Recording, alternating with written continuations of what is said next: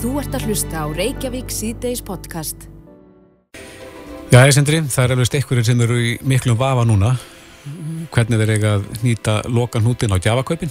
Já, það nú fyrir hver að vera síðastur. Þorlagsmessa á morgun. Einmitt. Þetta má ekki enda með því að þú hlaupur út í bensinstöðu og kaupir rúðu þurrkur eða bón. Nei, eflaust hefur einhver lent í því einhver tíma. Pottið. En uh, það er spurning, þegar við lítum á hörðupakkana, uh, þá er Elko, uh, eitt stærsti ráttækja sölu aðili á landinu og þeir eru með góða yfirsinn yfir þau tæki og tól sem að fólk er helst að kaupa núna fyrir jólinn. Myndið þú vilja fá ráttæki í jólu, jólugjöf? Já, ég er mikill tækjakall, Já. en kannski ekki hvað sem er. Hræri vel eða riksu? Nei, segi það ekki. E- ekki, ekki svoleiðis hafa hann pakka. En Arinn Björn Haugsson, uh, markastjóri Elko, er á línunni, kom til sæl. komið sér leir. Þú ert búin að taka sama fyrir okkur uh, hérna topp 10 yfir mest seldu hlutina hjá ykkur núna fyrir jólinn. Já, ég tók saman smá lista fyrir ykkur. Ég var að renna þessi yfir hann og ég var að byrja kannski í tíundasæti. Já, ekki spurning. Hvað sér, byrja, Í tíundasæti við verðum að vera að byggja spennu. er að byggja spennu.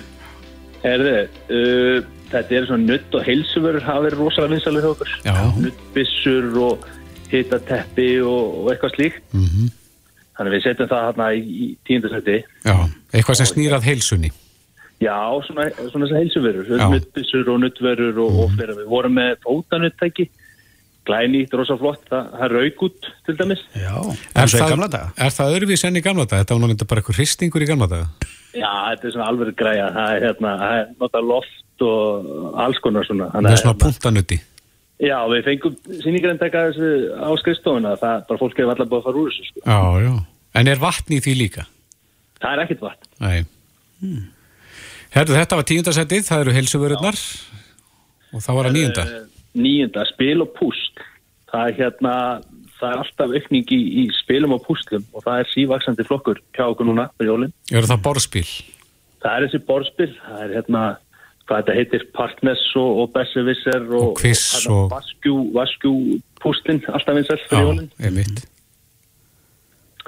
og hérna, svo erum við með pítsaofna, úni pítsaofna þeir eru búin að vera rosa vinsalir nema og eru uppseldir fyrir jólinn já, er það eldbökun þá eða? já, það er svona eldbakar uh, svona eldbökunar opna fyrir pítsur Og eru þeir í áttundasæti? já, Ég held að þeir væri ofar. Ok.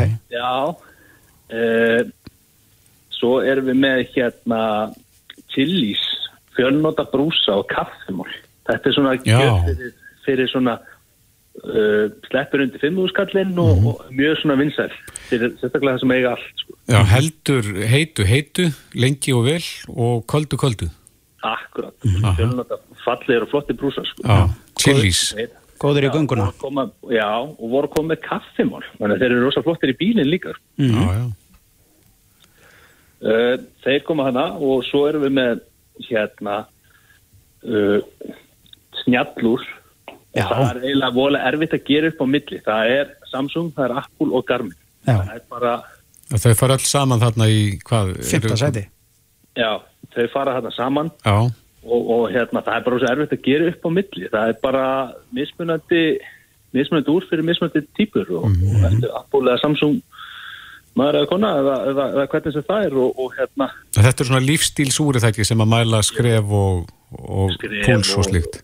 Púls og öndun og svefn og, og meira sér getur að fengið sko íslensku golfvellina inn í garminúrin sko. já, já. Að það er mjög skemmtilegt og hérna setjum það þarna á svo iPhone 13 það er búin að vera rosa vinsæll við erum bara að selja mjög mikið af iPhone núna Og hann er í fjórðasæti. Já, Og hann kostar hvað, tvö, yfir 200.000 eða ekki? það er nú frá 140 eða eitthvað upp. Nú, jæja, þá er þetta góð gjöf. það. Já, Er, er fólk að kaupa hann í gjafir?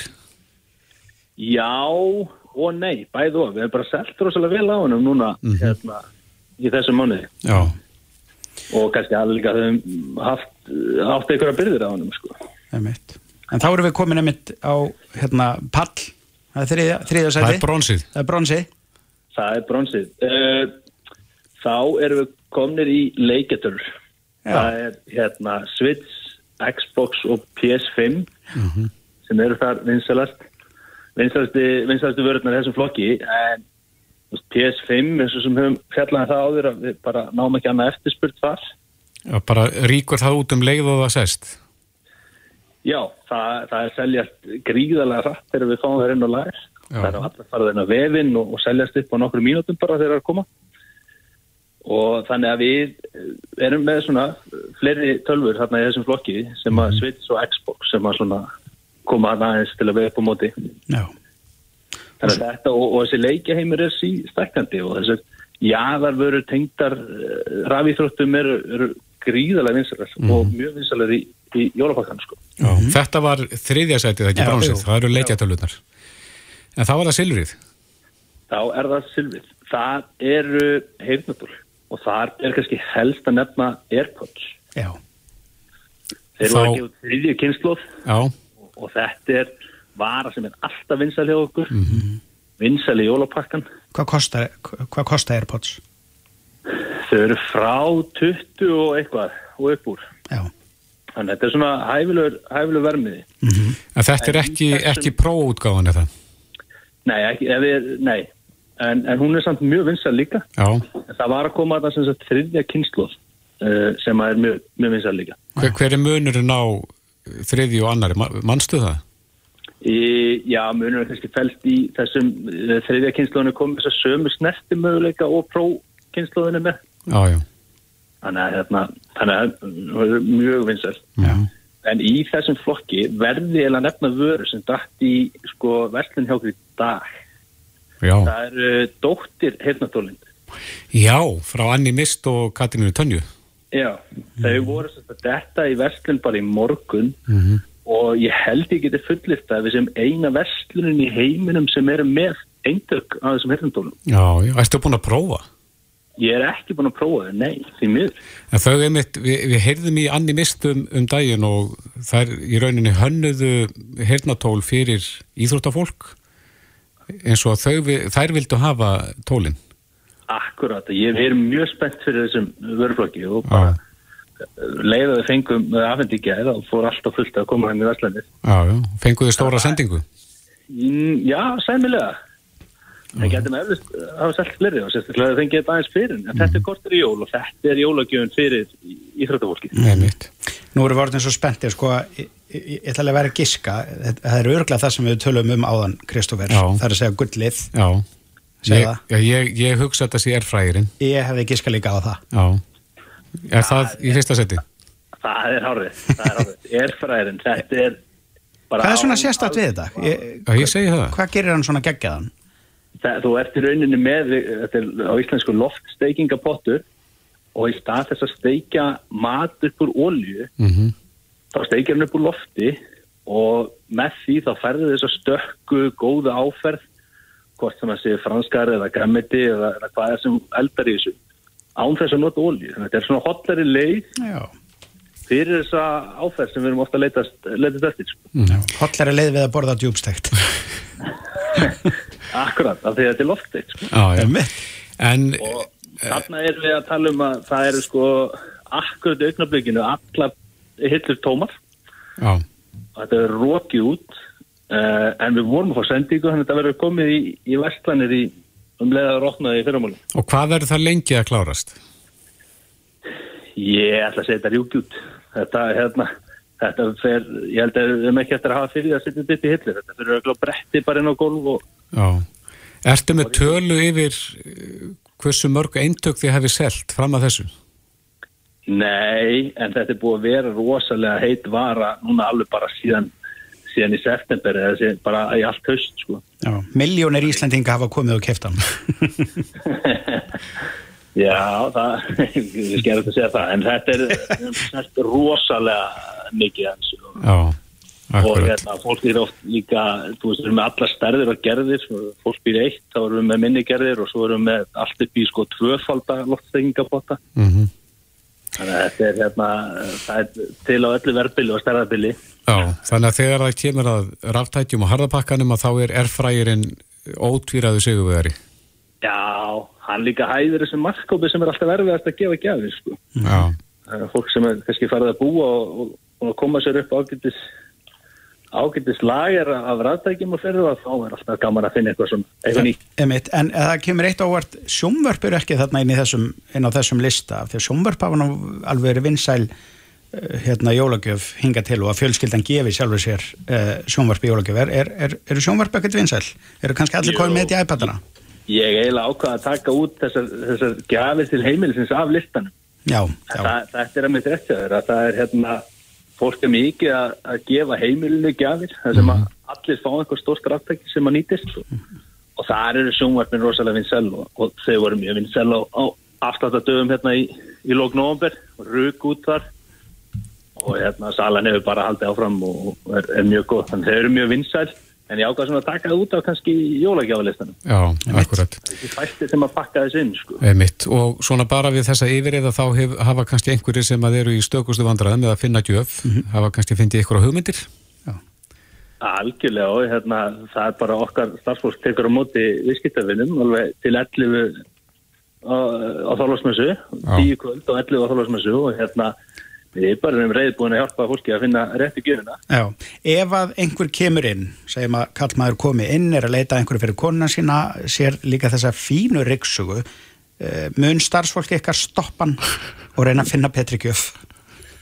Já, við ætlum að reynum kannski að sjá til þess að hún sé snjöll, þannig að konar fyrir nú lítið að, að hún endur kannski á því að kallin stýrin er bara sjálfur í gegnum síman. Já, ég heyrði nefnilega svona sögu síðustu helgi og ég var svo hissa að þau væri ennþá saman það kannski breytist. Já, það, já, það kannski breytist. Þetta, þetta leftir á þegar það er orðin svona stjallar og það er bara sjálfum vinnuna Einmitt. en ég hef ekki að snúa þessi við þetta konun er ekki bara að gefa kallanum þetta? Ég held bara engin er að gefa neinum reyksugu í jólagjöf. Eða önnu svona heimilis þrývatæti já, það er góð hugmynd. En Arne Björn Haugsson, markastöru Elko kæra þakki fyrir þessa yfirrið og gleðilega hátíð. Já, gleðilega hátíð sem við leiðis og takk fyrir að heyri mér Þú ert að hlusta á Reykjavík C-Days podcast. Eru Kristófer, hvernig lítist þér á að veita heilbriði starfsfólki í bráðaþjónustu skattlöst ár? Já, ég held að sé alveg þess vilja að skoða það. Já, allavega, einn af þeim sem er tilbúin að skoða þetta og, mm -hmm. og allavega veltu þessu upp. Það Já. er hann Ragnar Freyr mm -hmm. sem er sérfræðingur í liv- og gíktalækningum. Þetta er uh, grein sem að byrtist á vísi í dag mm -hmm. og hann er um þetta á línunni. Sæl? Er alveg blæsaðir.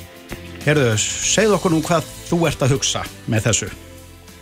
Já, ég held að sé nú þannig að þessi COVID-faraldur hefur nú kristalliserað held ég heldur betur hvar, hvar skóin kreppir mest að í okkar samfélagi. Mm -hmm.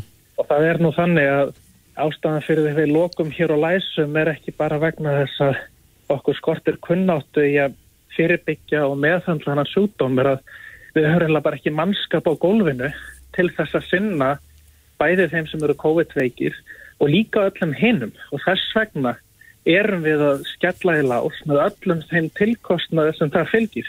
Mm -hmm. Hvernig myndi svona skattleysi fyrir þennan hóp uh, bjarga þeim álum? Já, ég held að það að bjóða starfsfólki sem vinnur í hildur áðafjánustu uh, skattleist árið einhver skattafríðandi myndi lokka tilbaka þá hundruði hjúkunarfræðingar sem hafa valið sér annan starfsvettvang en hjúgrun. Mm -hmm. Samá við að sjúkraliða og okkur sarvantar þetta fólk tilbaka til þess að geta sendt öllum þeim sem þurfa að þjónustu að halda. Hvað er þetta fólk í dag, veistu það? Já, það er bara víða, það er bara annar staðar en á sjúkrahúsinu, það er það ræðis í vinnu við aðra stopnarnir, það mentar sig til annara verka, það er nú frækt að margir, margir hjúkunarfræðingar og vinna uh, í flugfræðustarfi og, og kjósa það heldur um að sinna á hjúkara sjúklingum. Þannig að við þurfum að gera það aðlarðandi að snúa tilbaka til þessara starfa, þessara ótrúlega mikilvægu starfa. Mm -hmm. Fyrst er líklegt að, að þetta veri leið sem veri farin uh, þú getur rétt ímyndaði hvort að, hvort allir myndi sætti sig við þetta að einstjætt fengi þessi fríðindi? Já, þú sérð bara hvað tilkostnar það er að hafa ekki nóg af þessu starfsfólki einhver sagði að síðasta ár hafi kostið okkur 600 miljardar mm.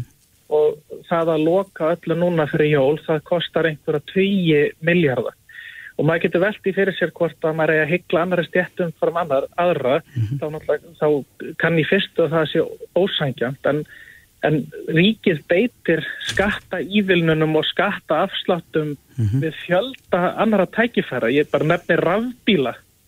Rafbílar eru undanþegnir bæði tollum og vörugjöldum og ímsum öðrum skattum til þess að þeir séu ótyrir. Er, það sangjant fyrir þá sem keira bensínbíla?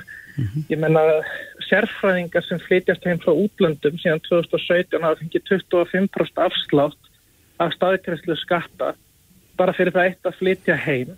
Ég menna fyrirtæki flytja til landsins og fá þar ímiskonar ívilnani og þetta er bara það sem ríkið gerir þegar það þarf einhver, á einhverju nöðsynlega að halda til að byggja hér upp almennilegt samfélag. Já, en heldur ekki að þú væri bara að færa vandamáli til því að þá væri hjúgrunum fræðingar á öðrum stöðum sem myndi segja ég er á leiðinni þangað.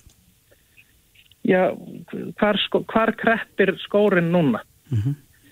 Og þá verður maður bara að segja hvar er mest aðkallandi að við veitum þjónustu, hvar er það mikilvægast? Og ég hefði haldið að það til þess að halda hér opnu og frjálsu samfélagi, það þurfum við að sendt bráðveiku fólki svo sómasamlega sér. Og við þurfum að gera það aðlahandi fyrir hjúkurnafræðing og sjúkuraliða að snúa af öðrum starfsvettvangi tilbaka hinn til sínun á spítalan. En Ragnar, heldur að þetta tilbóð væri það freistandi að, að þetta fólk myndi snúa tilbaka? Ég, ég vona það, þetta er bara þetta er liður í umræðuna. Það hefur, ím, það hefur ímislegt verið rætt á liðnum árum, mentun hjúkurnafræðinga, starfskjörðira og annað og viðlíka, en það hefur ekki gengið til að fá það tilbaka. Og þannig að ég fór bara velta fyrir mér hvað geti annað verið í bóð og svo herði ég þessa hugmynd á göngum spítalans og ég var að viðkjanna, ég sá enga sérstakka annmarka á henni. Þannig að okkur vantar tilbaka þessar umennunarstjættir, okkur sarvantar þess. Já, en hefur þið heyrt í fólki þar að segja eftir að þú vera þetta í þessari grein, hefur þið fengið viðbröð?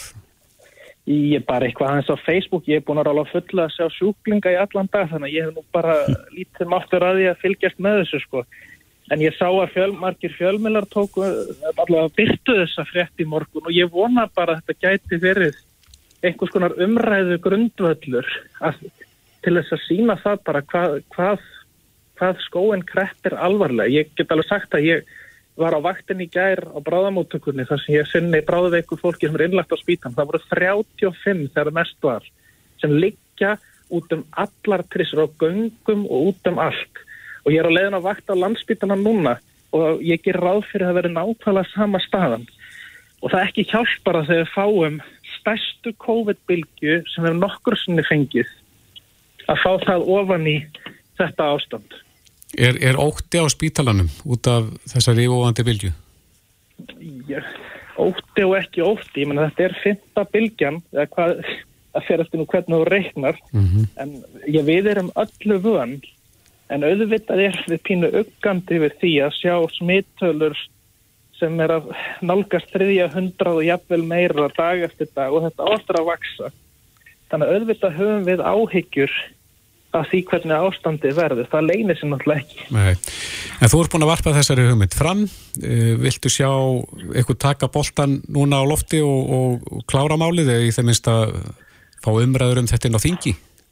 Ég myndi, ég myndi gætman vilja sjá þá sem fara með völdin hér í landinu að það þarf að fara að gera eitthvað konkrétt, eitthvað raunverulegt til þess að við getum hérna haldið áfram að byggja hérna upp heilbreyðiskerfi fyrir bæði sagt, vaksandi þjóð með vaksandi fjöldaferðamanna með þjóð sem er að aldrast og að auki með enn eina COVID-bylgjuna í fangið. Mm. Það er ekkit annað hægt en að fara að snúa vörn í svo. En þarf ekki líka háskólin að útskrifa fleiri lækna, fleiri hjúkunarfræðinga og sjúkaraliða? Já, það er, það er ansi máttlítið verkværi þegar, þegar tveir af hverjum fimm hjúkunarfræðingum er hættur að vinna eftir fimm ár gefst upp að þessu. Já. Þá er það eins og að pissi í skóin að vera endalust að menta fólk til þess að fara í einhver önnur starf. Þetta frekar að búa þannig um hútan að fólk vilji vinna áfram við þetta. En er eitthvað vandamál þá að kannski já, flytja inn starfs, starfsfólk, hjúgrunafræðingar sem hafa mentað sér erlendis? Ef að já, fólk vil ekki vinna vinna hér? Já, allar þjóðir er að glíma við sama vandamál. Það skiptir engum máli hvert litið er. Allar þjóðir í kringum okkur sárvantar mentað hérna, hjúgrunarfólk, sjúkarlega og fólk sem vinnur við umönnastarf. Mm. En kannski mögulega herri laun hérna heldur en, heldur en við, við annar staðar? Já, ég verða viðkynna, ég þekk ekki nákvæmlega launakjör erlendis en uh, það er af einhverja ástæðu sem hér flikkjast ekki að erlendir hjúkunarfræðingar. Mm. En hvað sér þau fyrir að skattleysi myndi vara lengi? Er ekki bara vandamáli myndi það ekki blossa upp aftur en um leið og það var í farið að skattleitja þess að stétt aftur þá? Já, einhver staðar verðum við að byrja. Já. Ég, ég, þessi hugmyndar meira svona sett fram til þess að starta einhvers slags umræðu mm um þetta nákvæm útfærsla eftir nú ekki að vera í höndum lif og gíktalæknis það er þetta einhverja sem hafa fagmentum í þessu. Akkurat. Þetta er allavega hugmynd og einmitt, bara flott ég að vera varpennin fram og svo er, verður spennand að sjá hvort að einhver taki þennan bolta. Já, Já það er gaman að ræða þetta áfram. Já. Ragnar Freyr Ingarsson, læknir, kæra þakki fyrir þetta og gleðilega hátíð. Gleðilega hátíð, takk kærlega. Þetta er Reykjavík C-Days podcast. Reykjavík C-Days heldur áfram. Heldur betur, til klukkan Hvað, ég er, ég er, ég er ekki nóg oft? Þú, er, þú ert hérna stafsmæri þjálun. ég vissi reyndar að væri til já, fram, fram, fram að fréttum. Fram að fréttum. Herðu en, það er þetta með uh, dóminn sem að fjalli morgun. Já, Íslenska ríki var síknað í hérastum Reykjavíkur í máli Grái hersins gegn tryggingastofnun en Grái herin hefur þegar ákveða áfría málinu til landsréttar og hæstréttar ef til þess kemur en til aðeins að fara yfir þetta þrjú félug Grái hersins höfðu mál gegn tryggingastofnun vegna skerðinga á ellilíferi mm -hmm. og heimilisuppbót á móti greiðslum frá lífeyrissjónum. Fjallar um skerðingar. Fjallar um skerðingar mm -hmm. og eins og við heyrðum hérna í símjön tíma á þann, uh, fólk er ekki sátt og það er kannski ekki skrítið. Einmitt. Og til að ræða betur um þessi mál er á línni Helgi P. hinn einin sanni. Herfóringi. Herfóringi. Sæl. Komin sælið reyngir. Já. Hvað hérna, ég veitir finnst það ennþá ljóminn, hérna rjóminn ljómandi góður, en þú ert ekki sáttu við þetta? Næ, ég veit það ekki, þetta er svolítið trikki. Eh, það eru hérna, sóknarfæri í þessu mm. og, og hérna, þó það verist svolítið skrítið, að hérna, máli snýst um það í raun og veru að, að okkar kröfur voru það að, að hérna, skerringarna stæðust ekki egnaréttar ákvæði hérna, stjórnar, stjórnarskáðina mm -hmm. og, og, og hérna það sem að það sem að dómurinn gerir núna er að hann segir að það gerir það. Uh, og hérna það er standist eignaréttar ákvæði stjórnarskarunar sem er að, að mikil áfanga sigur í raun og veru fyrir okkur af því að, að þegar þú komið með þegar lífeyrin er með þessum hætti tengdur eignaréttar ákvæðinu þá, þá ertu komin í mjög stránga reglur sko. Það má, það má skerða eignir fólks samkvæmt þjóðnarská en það verður að gerast að undangengna mjög vandlega aðtöðu máli og það þarf að vera einhver vá í þjóðfélaginu, það er einhverja stórkostlegar skrítnar aðstæður og það þarf að ræða þetta fram og tilbaka og allt það. Og sko, nú munum við að þetta sækja máli fyrir landsetti á miklu, á miklu þrengri eða svona afmarkaðri hátt til þess að fá það fram hverjir ákváðu þessar skerðingar. Já upphæðinar og það saman. Gerði þingi það?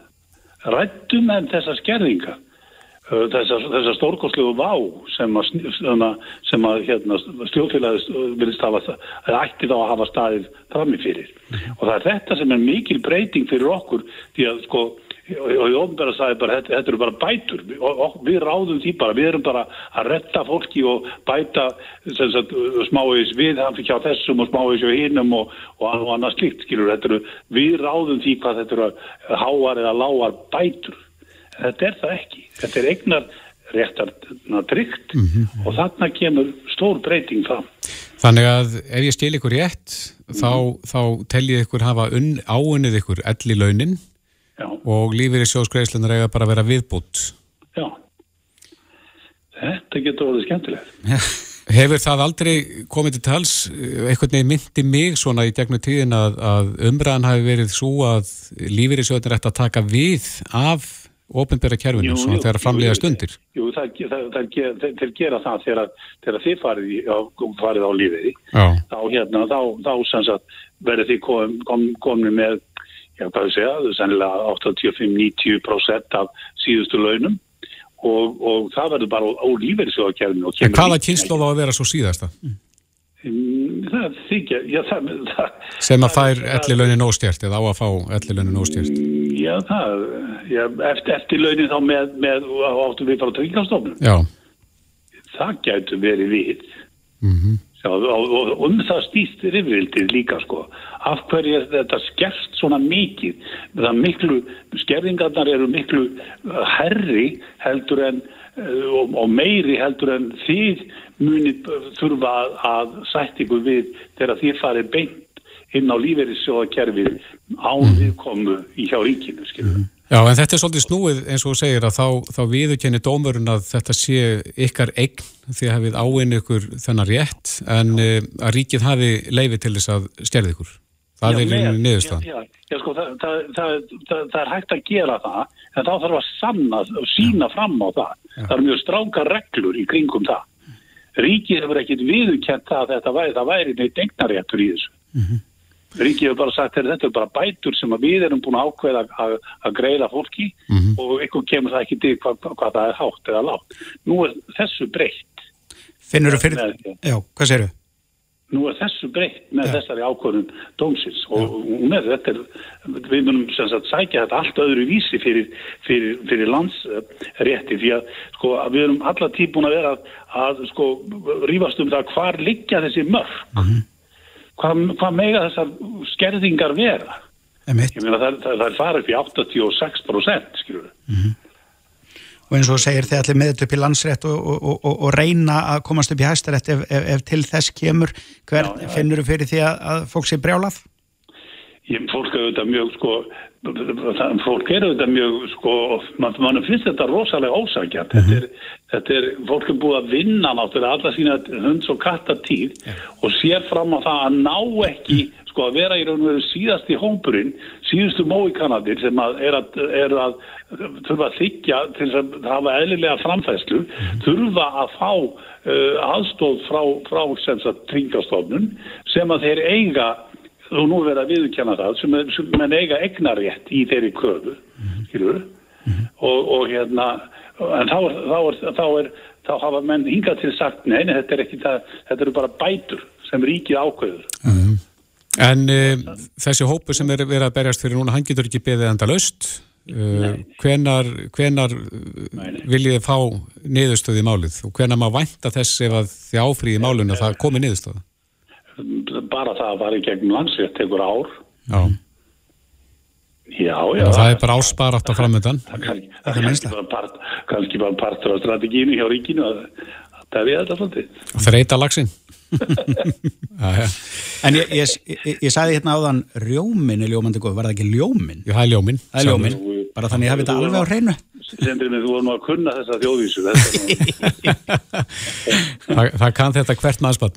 það hérst ég Já, Já, uh, hérst ég. Nei, þetta er, sko, hvar eiga þessi mörk að liggja, hva, Mhm. hvernig, hva, hvernig eiga þessar skerðingar að líti út og hver ákveður þetta, skilur? Nú, nú er þetta komið á miklu herra plan, já. þessi, þessi partur. Skrefin er niðurstöðu greinilega. Já, Helgi P. Kæra þakki fyrir þetta og gangi ykkur vel í baráttunni. Takk sem leiðis. Gleðileg jól. Gleðilega jól. Reykjavík síðdeis á Bylgjunni podcast. Jæja, þá leikur fyrir hvernig á að haga málu núna næstu vikunar. Mm Nýjar tilugur voru, eða ekki tilugur, bara reglur voru kynntar í gær. Við hefðum í Hrefni Björk Sveristóttur sem er stjórn okkur í samtöngu fyrirtækja veitingamarka í gær og það var mjög dögt hljóð í henni og hún sagði að veitingamann með ekki verið síndu skilningur í gegnum þennan faraldur. Það verið komið tími til. Og það er alltaf eins og þessi hópur verði undir í öllum þessum ákvörðunum. Já, Það er, það er reynd að taka tillit til flestra en mér finnst svona eins og veitingamenn og listamenn þurfa alltaf að verða undir. Mm. En það er spurning hvort það sé eitthvað rofa til. Jóhannes Þór Skúlason, frangværtastjóri samtaka ferðarþjónustunar er komið til okkar, velkomin. Já, er eitthvað rofa til fyrir veitingamenn? Já, rófa til og rófa til. Þetta er náttúrulega er, mjög erfið aðstæða sem að veitingamenn er í og hefur verið náttúrulega lengi. Ég held að við tókum það svona, saman svona gróflega e, tekið tapið á þessum tveimur árum hjá e, í veitingasölu og, og hjá hótelum sem eru með veitingasölu, veitingastöðum og hótelum sem selja veitingar að það er samanlagt svona, e, ég nálgast einhverstaðar á milli 70 og 100 miljardar á á þessum tveimur árum miða við, svona við miðum við eðlilegt ár 2019 mm -hmm. þannig að þetta er náttúrulega svakalegt tekjugat sem orðið er í, í reikningum þessara fyrirtækja og En er það vegna sóttvarnarreglana eða, eða bara það vantar ferðarmenn? Það eru auðvitað fleira, það er, það er að sjálfsögðu bara faraldurinn, fólk Já. náttúrulega sótti veitingahús minna, mm -hmm. það er færri ferðarmenn til og með sér í miðborg Reykjavíkur og, og, og út á landi, en eh, svo hafa náttúrulega sóttvarnar aðgerðinar og svona skilabóð stjórnvalda líka náttúrulega verið svolítið þau á laungum köplum í þessu að ekki vera að fara mikið út á meðal fólks og og það hefur dreyið úr fólki og svona, og svona náttúrulega reglurnar bara sérstaklega og það sem við höfum náttúrulega frá uppafi hjá samtökunum verið að benda á er að þegar að kynntar eru sótarnar aðgerðir sem hafa áhrif á fyrirtæki að þá komi einhvers konar mótvæðis aðgerðir uh, á móti að því að það er, það er annað þegar það er bara vegna þess að það komi yngir út af faraldrinum en mm -hmm. heldur en þegar að sko stjórnvöld setja reglur um það mönnum sem meina að eiga elli viðskipti og það hefur verið gert til dæmis með lokunastyrkjum og, og slíku en e, veitingarekstur hefur, dæmis, hefur, hefur aldrei verið gert að loka alveg og þess vegna aldrei fengið lokunastyrki mm. og það hefur gert þetta erfiðara þeir hafa líka þá farið í það að náttúrulega ná sér inn einhverjum peningum eins og þeim munið með take-out voruð mikla hérna mm -hmm. 2020 og það þýðir þá að, að mörg þessara fyrirtækja kannski unnu sig rétt upp fyrir tekjufallskilirði sem að fylgdi öðrum aðgerðum eins og tekjufallstyrkjum, viðspilnstyrkjum og slíku og gáti þessum ekki nýtt sér það. Þannig að þetta hefur verið svona, svolítið svona saga hjá þessum geira. Og núna náttúrulega bætist við síðan að þegar mann sáu fram á að fá jólavertið sko þá allt í hennu kemur þetta aftur og, og þess vegna höfum við eh, hjá SAF náttúrulega verið í samskiptum við stjórnvöld alveg frá því november byrjun um að það þurfi að koma einhverjum hætti til móts við þetta bæði þetta uppsafnaða tekjutab vegna aðgerða og, og svo núverandi aðgerðir. Og hvað væri þá rétt að gera? Hvað myndur þú vilja sjá að gert er því? Við höfum bent á það og lagt inn tilögu til ríkisins um það að það verði e, í rauninni settar á styrkjaleiðir til þessara fyrirtækja e, sérstaklega til þess að koma til móts við það að þau hafa ekki náð inn í aðra styrkjaleiðir sem hafa verið sérstaklega vegna sóttvarna mm. e, og mér sýnist e, á nefndaráliti meirhlutan fjárlanemndar sem kom í gær og því sem að sem að fjármálar á þeirra hefur sagt núna í viðtölum uh, undarfarna daga í, í gær og í hátteginu að það sé núna hort til þess að setja eh, að hálfu stjórnvalda um 1 miljard króna í aðgerðir, styrkja aðgerðir vegna sótarnar aðgerða eh, til handa sagt, veitingahúsum og, og, og þeirra fyrirtæki sem er í, í veitingarækstri og það er náttúrulega afar jákvægt að það skulle koma e, til mótsvið, komið til mótsvið fyrirtækja þannig hátt og, og í rauninni löngu tímabært. Já, hún talaði um þúsund fyrirtæki og tíu þúsund starfsmenn sem að þarna er undir. Þetta er gríðarlegur fjöldi fyrirtækja og starfsfólks náttúrulega, við þekkjum það svo sem að það er gríðar margir sem starfa í þessum geira, mikið af hlutastörfum og svona kvöld og helgastörfum og, og ekki síst þess vegna er náttúrulega bara líka launakostnar þessar fyrirtæki mjög hár, svona samanborið við kannski venlu fyrirtæki sem hefur fólk í dagvinnu og það eigur þá á svona þennan vanda þegar að, þegar að menn þurfa að standa undir hlutaslega herri launakostnaði á tekjum heldur en í mörgum öðrum business mm. þannig að það er bara rétt að rósa stjórnandi fyrir það að, að svona horfa þannig yfir sviðið og taka þessa, þessa ákvörðun um að, um að setja þennan miljardi inn svo geta menn náttúrulega verið haft alls konar skoðunir á því í bransanum hvort það er nóg en við höfum eftir að sé, sjá bara útfærsluna sem að svona miða við það sem að hefur komið fram hjá fjármárráð og, í, í nefndarálitinu verður í takt við svona fyrri aðgerðir tekjufalls eða, eða viðspilnum styrki og svona útvært á, á einhvern, einhvern máta sem verður í, í, í samaræmi við það og það er náttúrulega aðgerðir sem við þekkjum og, og hérna e, ætti að vera tiltölu að fljótlegt að koma, koma upp sem að ég held að sé bara skynsalegin álgun. Hvernig líður þér og fólki í þínum geira þegar, já það er fólk að núti sem að uh, hugsa sem svo og segir við verðum bara að taka þetta á kassan, við, bara, við ættum í, í raun bara að loka svo gott sem öllu næstu þrjár, fjóru vikurnar, bara klára þetta dæmi og svo getum við haldið áfram og oft er þetta fólk sem að sko myndi alltaf fá launin sín á, á þessum tímabili. Já, já, þetta, er, þetta getur verið óþægilegt að hlusta þessu umræðu og en eins og við höfum alltaf verið að reyna að segja frá upphafið þá snýst þetta á endanum ekki um svona í hildar samingi hlutana um það hvort að einstaka fyrirtæki ferðarþjónust eða veitingabransar eða, eða túrópereitos eða einhver aðrir e, þá snýst hildar samingi ekki um það hvernig þessum fyrirtækjum reyðir af. Það hvernig þeim reyðir af og hvernig þeim er hjálpaði gegnum þetta hefur hins vegar gríðarlega mikil áhrif á hvernig bara hérna, verðmætasköpun samfélagsins mm. heldar samfélagslegu kostnaður til langs tíma út úr faraldrinu verður hvernig e, lífskjör okkar verða best varin með nýri verðmætasköpun og gældiristekjum og það er þessi fyrirtæki sem búa hana til og það er þess vegna sem þau eru mikilvægt og mikilvægt að hjálpa þeim. Mm -hmm. Þannig að þetta snýst um, um atvinnufólks og um e, lífskjör í raunni allra í samfélaginu e, en auðvitað er ég meina menn hafa reynd þetta á sumum stöðum í heiminum að bara loka, skella bara í lás mm -hmm. um, til dæmis á Nýjasjálfandi mm -hmm. og nú oft verið vísa til þess en þar eru menn nú svona líka búinir að komast að því að því fylgja bara ímis önnur vandamál mm -hmm. Íta vandamál undaðir Já Svo það var reynda bara að vera hreinskjölum að ég verð bara mjög pyrraður þegar ég heyri fólk tala Já, svona Já, svo verð ég bara mjög pyrraður þegar ég heyri þetta En það vakti aðtikli í gær þegar að Pippi Mortens tilkynnti hann að þið fengið hérna undan þá til að halda þorlarsmessu tónleikana sína. Og ja. MC Gauti fylgdi þar á eftir. Sjáu að þetta opnið þarna einhverja rifu fyrir ykkar félagsmenn? Já, já sko rifu og rifu, ég, ég hefði haldið að sko þegar veittar eru undan þáur frá sótvarnar aðgerðum sem eiga gilda í öllu samfélaginu fyrir alla e, þá þurfa þær náttúrulega grundvallast á mjög skýrum sjónamiðum og e, ég hef náttúrulega ekki séð hvaða fórsendur eru þarna fyrir en það sem hefur, það hefur byrst í fjölmjölum og það er að fyrirvarin sé of skammur til að hægt sé að bregðast við og að sótvarnar aðgerðir séu það, þeim hafi verið svona, þær hafi verið gengið lengra heldur reglugjörðin byður um. Þetta er náttúrulega hvort tvekja áalveg jamt við um, um til dæmis fyrirtæki í, í veitingabransanum sem að að þorlagsmessu eru náttúrulega bara þorlagsmessu er bara gríðarlega mikilvægur dagur, hann er sérstakur dagur líka, það eru mörg fyrirtæki og fjölskylduhópar og vinahópar sem að fara ár eftir ára þorlagsmessu, borða skötu eða, eða borða saman, komast í hátíðastað mm -hmm. og hátíðastemmingu og, og hérna þannig að þessar sérstöku aðstæður eiga alveg jamt við líka um veitingastæðin eins og tónleikana Fyrstu þarna verið að mismuna? Ég veit ekki hvort þau um að ganga alveg það langt svona áður við sjáum hvernig heilbyrðisáðuniti leysir úr þeim undanþópiðinum sem komu inn í dag í kjölfarið á þessu, ég veit að þær hafa verið fjölmarkar, sennilega að minnstakosti vel á annað hundrað mm -hmm. og það er náttúrulega þá svolítið höfuverkur heilbyrðisáðuniti sinns hvernig þau leysa úr því og hver veitir þá? Það er heilbyrðisáðura eða já, ráðunandi heilbyrðismála þá þau geta leitað e, álits frá sótarnalækni en, en svona fljótt á litið þeir tveir fá ekki einhver annar, ekki, ekki, ekki Dutti Trúbador og, og, og meint eh, ekki veitingastæðir, er, er ekki svona fljótt á litið verið að mismuna þarna?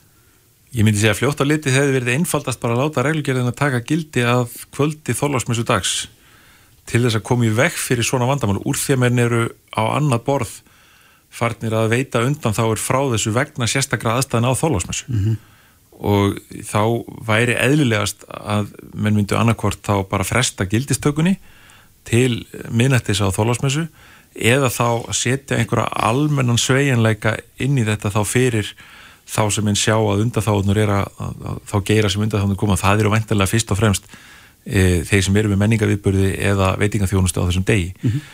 og þannig að, að hérna, og það í slíku væri alveg hægt að setja einhverjar auka e, kröfur eins og eins og hraðprófin og veitingastadi eða framvísum bólusetningavottors eða takmörkun og áfengisákvæðislu eða eitthvað slíkt. Erum við komið þákað? Já, ráðanetin er í, í, í, í rauninni fullt vald sett að mm -hmm. veita undan þá á einhverju slíkum fórsendum. En þú búið að tala um það að það er eitthvað mismun að bólusettum og bólusettum? Mm -hmm.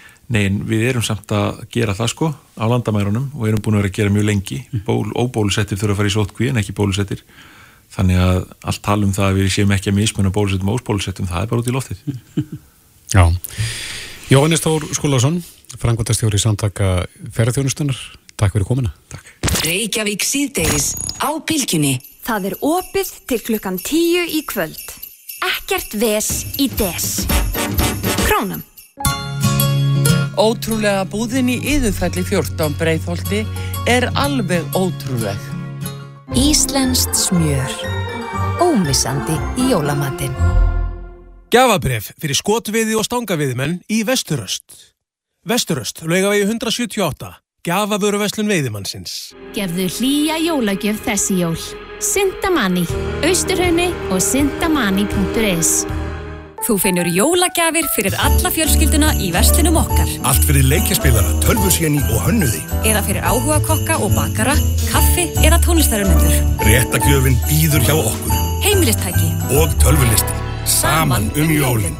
Íslenskt matarhandverk. Íslensk villibráð. Silikokkur.is 20% afsláttur af öllum vörum frá Samsonite og American Tourister A4 fyrir skapandi jól. Hamborgarryggur Hagkaups er sérvalinn af fagmönnum til að tryggja hámark skæði. Ryggurinn er léttsaltaður og meðhundlaður með nútíma aðferðum sem þýðar að rygginn þarf ekki að sjóða, bara elda í 90 mínútur í opni. Hagkaup. Meira jóla. Alla daga. Njóttu hátíðarstemningarinnar niður í bæ. Reykjavík er jólaborgin. Þú farið jólagjöfina í Ástund Östurveri.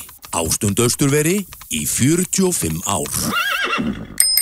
20% afsláttur af úvegshjálmum og akku reyðhjólafatnaði. Hjólasprettur, hafnarfyrði, hjólasprettur.is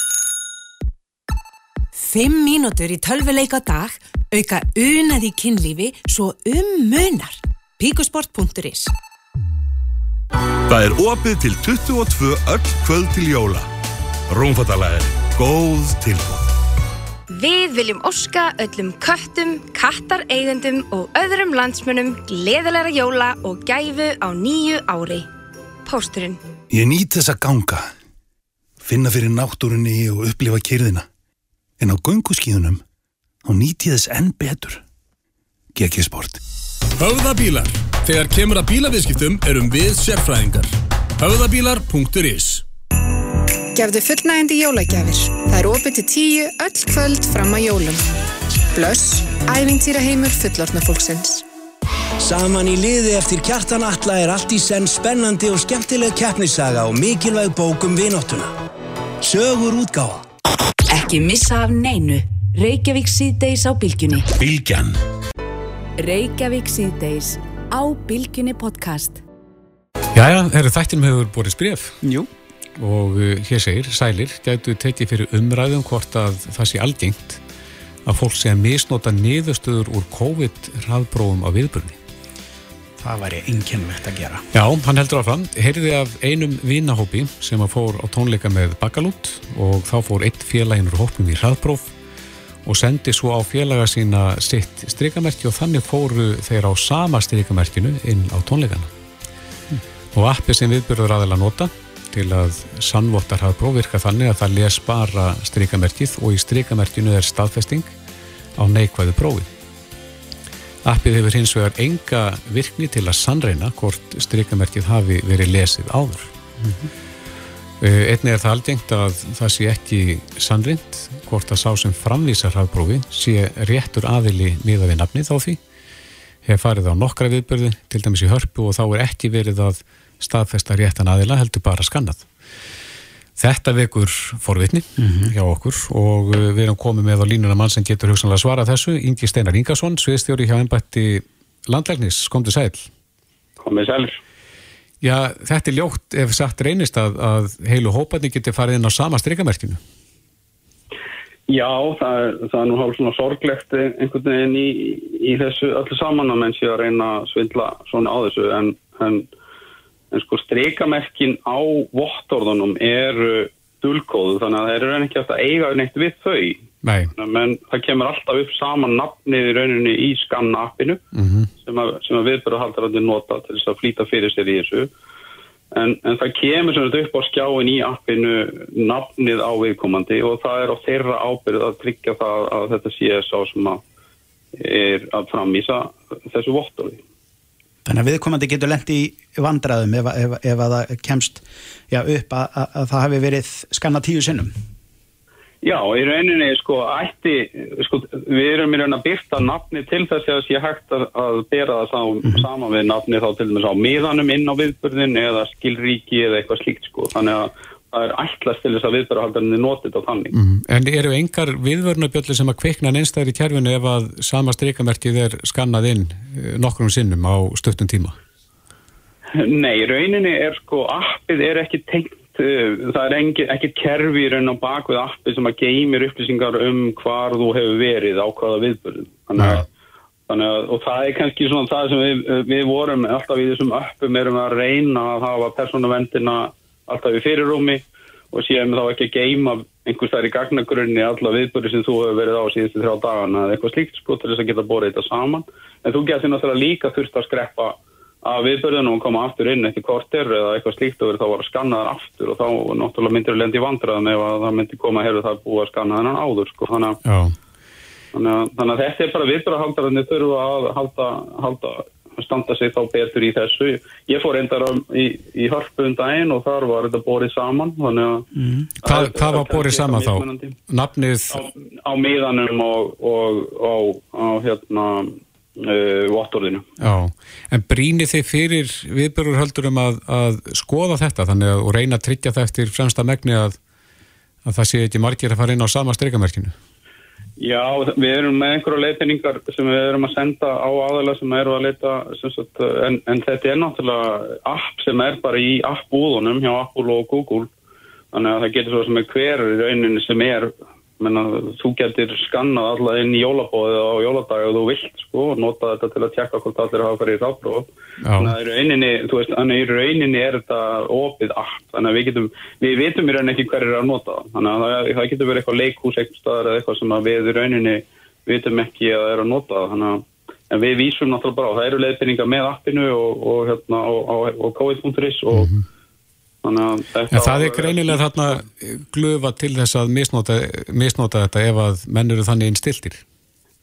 Já, greinilega og hérna en, en við, við íhugum þetta sem þetta á sínum tíma þegar vorum að koma appin í gang að, en það var reyndar við höfðum vi, rétt tæpa viku til þess að búa til þetta app eins og margt annað sem við höfum gert í COVID þannig að við þurftum rauninni bara að hafa þetta eins einfalt að hægt að vera í upphafi en við, við, vorum alvarlega íhuga það sem þetta að, að hver aðili þyrst að stopna viðburð og það er þá bara í rauninni hægt að skanna hvert reykjamarki einu sinni á viðburðin en, en þá þóttum við þetta að vera það fjarlægur möguleik að við myndum bara að reyna að svindla þessu að, að það var ákveð að gera það ekki.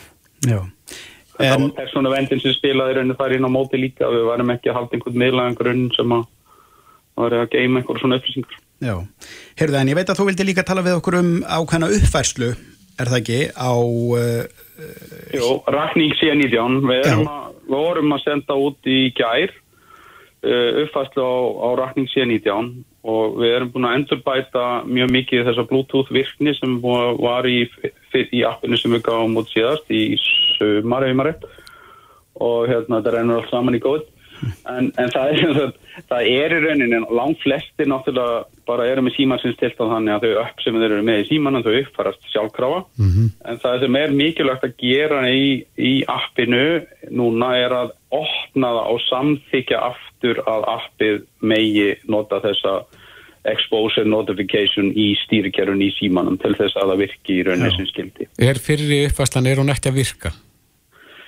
Hún virkaði upp á ákveðinu marki en, en við vorum í vandraði með ákveðinu hluti í því sem við þurftum bara að laga. Hvaða hluti voru það? Það voru, um, það var eins og það væri einhver samskipta vandamál við stýrikerfið í iOS símanum að, að það var eins og það stundum fengju ekki allir viðvörun og stundum fengju og margir viðvörun.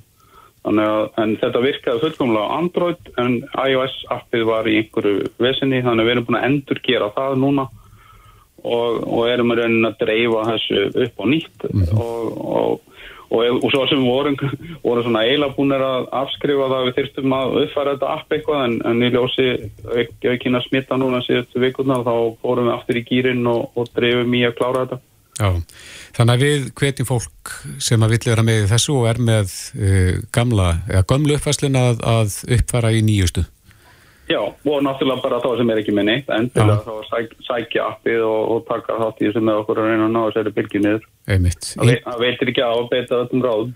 Ingi Steinar Ingarsson, sviðstjóri hjá Embætti Landlæknis, kæra þakki fyrir þetta. Takk, takk. Þetta er Reykjavík C-Days podcast. Jæja, Sindri, hef, þú hefur náttúrulega oftið þetta komið inn á Hótel Sögu. Heldur betur. Og uh, það er náttúrulega aðri sem hafa komið miklu oftar en við, þarna var bara heitasti skemmtistæðurinn á sínu tíma. Já, já. Raggi Bjarna sáum fjörið þarna á, á tíma. Já. en uh, það er ákveðin tímamót núna þegar það kemur að hótelsögu þeir eru ekki búið að selja hótelið? Undrit í þeim mest eitthvað vilja lýsingu blendna tilfinningar pottet hjá mörgum. Já, en það eru bændasamtökin sem að hafa átt hótelið og reikið e, núna í dágóðan tíma Mhm. á línun er Gunnar Þorkísson formaða bændasamtakana, kom til sæl Já, góðan daginn, Ríkir. Hvað hafa bændasamtökin átt og reikið hótelið lengi? Já, þetta er nú svona eh, í sögunni frá 68 þá hefur þetta verið í umsjón og eigu bænda Já. dagsins í dag. Já, já Er þetta blendnar tilfinningar eins og Sindri segir? Já, auðvitað er það það. Ég, þetta er orðið dágóðu tími sem að bændur hafa átt þetta og reikið sko. Já. En e, þetta hefur náttúrulega búið að vera mjög snúið frá alveg frá 2019. Þá byrjaði Hallunda fætti og, og ekki lagaði COVID þegar það kom til söguna 2020. Þannig að við vorum svona framan á árið 2020 að reyna að halda þessi rekstri en, en í raun og veru lokuðu við nánast fyrir ári síðan. Þannig að það er eiginlega lítil starf sem er búin að vera í heilt ár. Já, en það mun kannski breytast núna, þetta verður öllu líkindum ekki áfram hótel, heldur hvað? Já, þeir sem að kaupa er í raun og veru Íslenska ríkið og uh, félagstofnum stúdenta sem að ke- kaupir 27% af húsinu. Uh, Hildar uh, grunnlutur húsins er fermetrafjöldinu 19.000 fermetrar. Já, já Er, verða þetta nýjir stúdendagarðar með roomservice? Já, ég hugsa að það dreymi nú á býja margan áskólanemann um það að vera með rúmservice og ströðja skirtu klára á rúmunu þegar hann vaknar á mótnana. Einmitt, akkurat En hvað finnst þér einmitt um þetta að, að, að, að þetta er þið niðurstaðan? Að þetta eru bara háskólagarðar?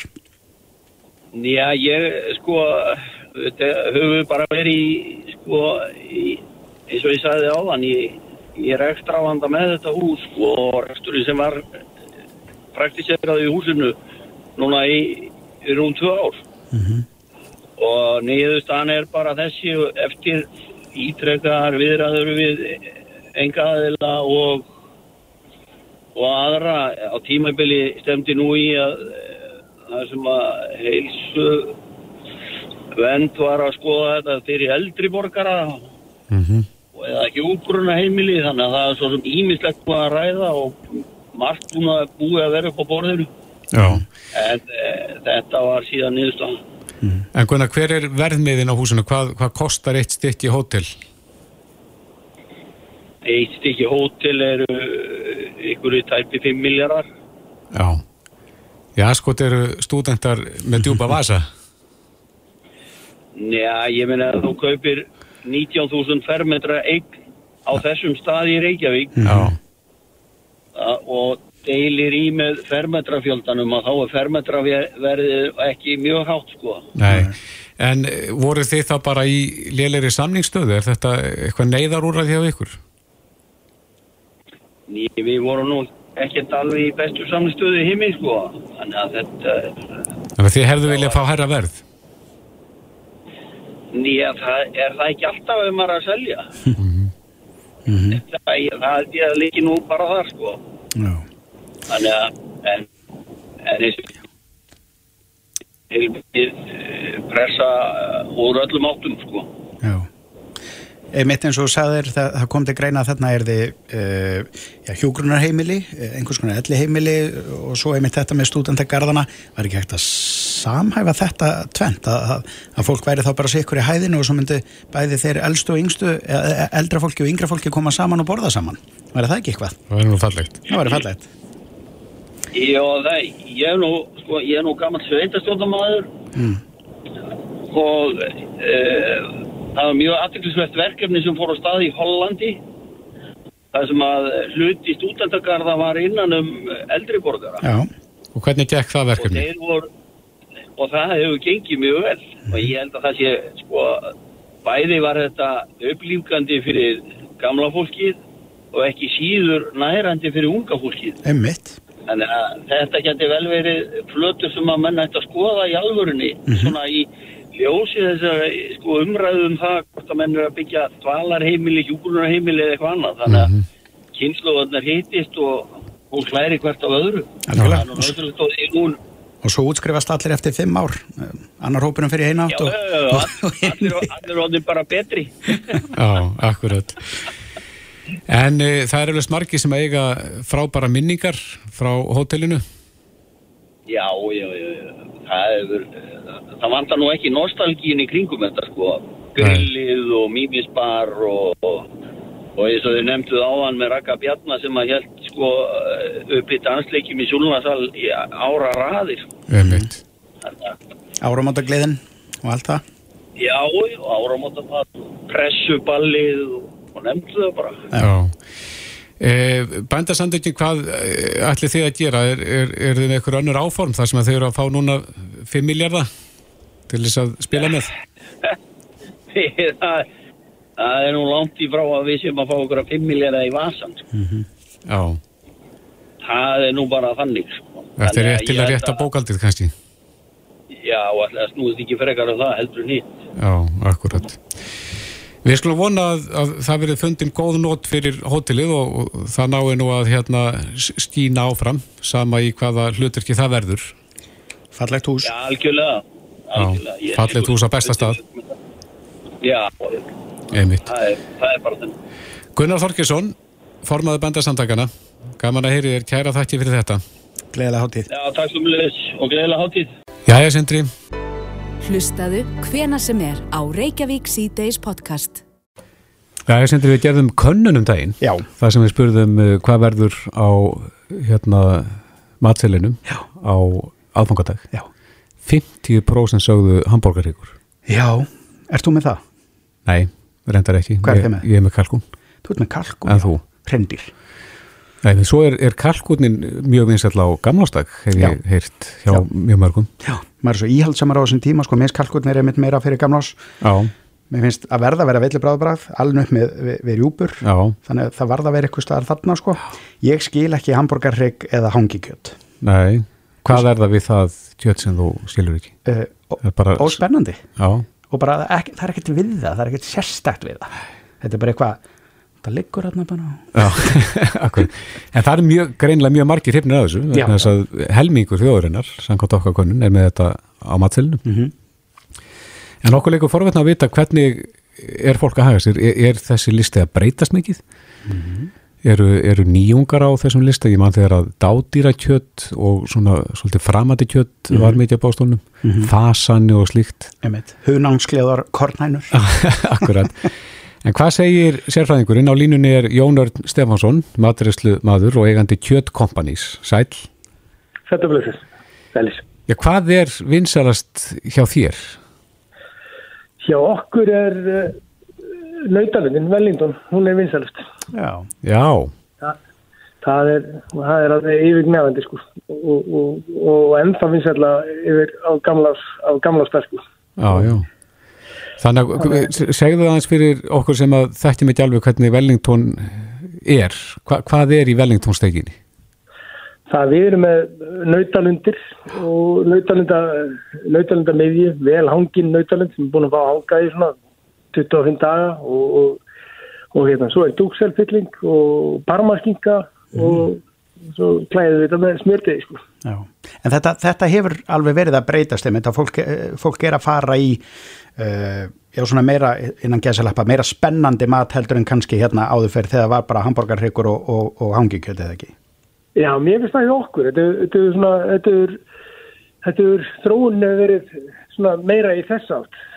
Frá, frá hrygnum og hangikjötunu og öllu þessu sko. Mhm. og, og, og, og þó að, þó að svo sala sé alltaf, alltaf, alltaf fín sko og, og á hambúrgaringum og, og hangikjötunu og þessu sko. Vi, við viljum helst bara, við seljum nú bara hangikjötu bara svona á beini, svo bara hérna í gamla þetta sko. Mhm.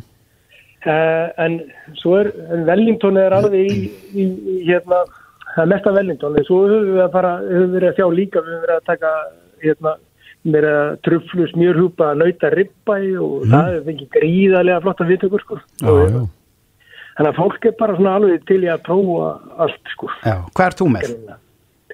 Ég ætla að vera með, sko, ég þarf að vera með hambúrgarrygg út á hérna krökkunum, sko. Það er alltaf, svo, svo hérna, svo er ég með sennilega krónhjört og aðfokadag og, og svo ætla ég að leika mér þess á, á, á gamlans. Þá ætla ég að fara í nautið og smýrhjúpa, tröflu smýrhjúpa, nautaribæ og eitthvað skemmt, skemmtilegt kannski með. maður verður svangur En ég er, er ekki hefðir að breytast líka, þetta er eins og bara í mínu tilfelli að þá kemur kona mín úr rjúbuhefðinni og ég var alveg upp í Hamburgarík þannig að við þurftum að finna eitthvað nýtt Einmitt. saminast á, á einhverjum öðrum stað. Og þá var kalkotni fyrir valinu. Ætli það sé ekki svolítið Jú. hérna að gerast að fólk er svona svolítið að prófa að sjá fram að fara, emitt ég og sömu sög að segja. Ég kemur úr Hamburgarryggi Já. og hvorur vildi hitt sko og þá var maður að búa til ein hefð og þá var hrindri fyrir valinu. Er þetta ekki, er þetta ekki algengt? Jú, jú, þetta, er bara, þetta er bara mjög algengt. Nákvæmlega. Það er mi- minna, minna rjúpa fókirina og... Já, því miður. Þannig, já, því miður og þannig að fólk er að fara í einsar áttir með þetta. Já, en... en- Vindirið og krónhjörstun og flera, já. Einmitt. En Jónar, e- eru þið með allt sem að hægt er að fá eða se- setið þið mörkin einhver staðar? Við erum, við erum, eh, sko, ég segi ekki allt sem hægt er að fá, sko, en við, við, við vöru úrmærið er mikið og, og hérna, og, hérna, við reynum að, reynum að höfða til sem flestra. Já, menn voru að prófa sér svolítið áfram með þetta hérna sérstaklega fyrir hrun, mann ég. Þá va- var verið að flytja inn alls konar kjött. Er, er það ennþá eitthvað verið að því að, að prófa sér með eitthvað nýtt? Ég er svona, það það var kannski eitthvað aðeins gefið eftir, sko, að því að, að, því að ég held að örgulega kannski margi brensi á því að vera að taka eitthvað inn sem að, sem að hérna, seldi svo kannski ekki nú vel, þannig að þetta, þetta er svona, þetta, þetta, þetta, þetta er mest í, í þessu, nautinu og reyndirinu, krónhildinum og, og, og, hambúrgarregnum og hangikitinu, sko. Já, krokodíla kjött og strútar er ekkert á póstólum. Nei, ég held að við ætlum að láta það eiga sig, sko, ég held að, ég held að, hérna, Það er ekki markaði fyrir það. Nei, það er frekar lítill hópur, held ég, sko. Já. En þið megið ekki selja rjúpur? Nei, við mögum ekki selja rúpur og, og hérna, þannig að, þannig að við leggjum bara þá meiri áherslu á bara kronjörtun og fylglutir og, og innalari og hérna og hérna og, og, og reyndir og kronjört og Já. þannig að við erum þar sko. En ef við strykum undir þá er Wellington, það er svona langvinsalast hjá þér. Já, Wellington bara, það bara, það var algjör sprengja hérna í Wellington fyrir, fyrir nokkrum ára síðan sko og, og hérna, það, það er ekkert að gefa eftir sko, heldur bara að gefa, frekar að auka í sko, ef það er eitthvað sko. Já, þannig erum við að tala um bara nýjar hefðir sem að myndast og svo heldur fólk því við. Já, og þetta er náttúrulega líka svo rosalega þægilegt. Þú farið steikina bara tilbúna og einu sem þetta gerir er að pensla meðgerðum og setja í opnin og setja kjarnindavæl í og steikin í opnin og bara ekki hægt að klúra þessu. Sko. Já. Ertu sammála því að, að, að maturinn er ekki síður í daginn eftir þegar maður sko hitar sósuna upp og, og setur allt í tartalettur? Ertu þar? Ég veit ekki með tartalettunar en það er, er, það frætt gott að hérna, hitta upp daginn eftir. Sko. Ég, kannski, ég veit ekki alveg með tartalettunar. Nei. Maður er svo íhaldsamur á þessum tíma, mér finnst bara að vera einrétt leið og jú, það er tartalettu daginn eftir. Láttu ekki svona. Nýta matinn. Jónar Stefansson, maturslumadur og eigandi kjöttkompanís. Kæra þakki fyrir þetta og gleðilega hátíð. Já, gleðilega hátíð. Takk, takk. Og þá ætlum við að fara að ljúka þessu að sinni. Já. ætlum að skipta yfir á fréttastofun okkar. Nýjustu fréttir að vanda frá þeim. Sindri og Kristófur þakka fyrir í dag. Verðum hér aftur á ferðinu á morgun klukkan fjögur. Bless, bless.